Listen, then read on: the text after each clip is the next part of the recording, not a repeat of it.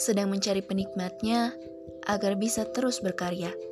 Ini adalah rumah, rumah aku dan kamu.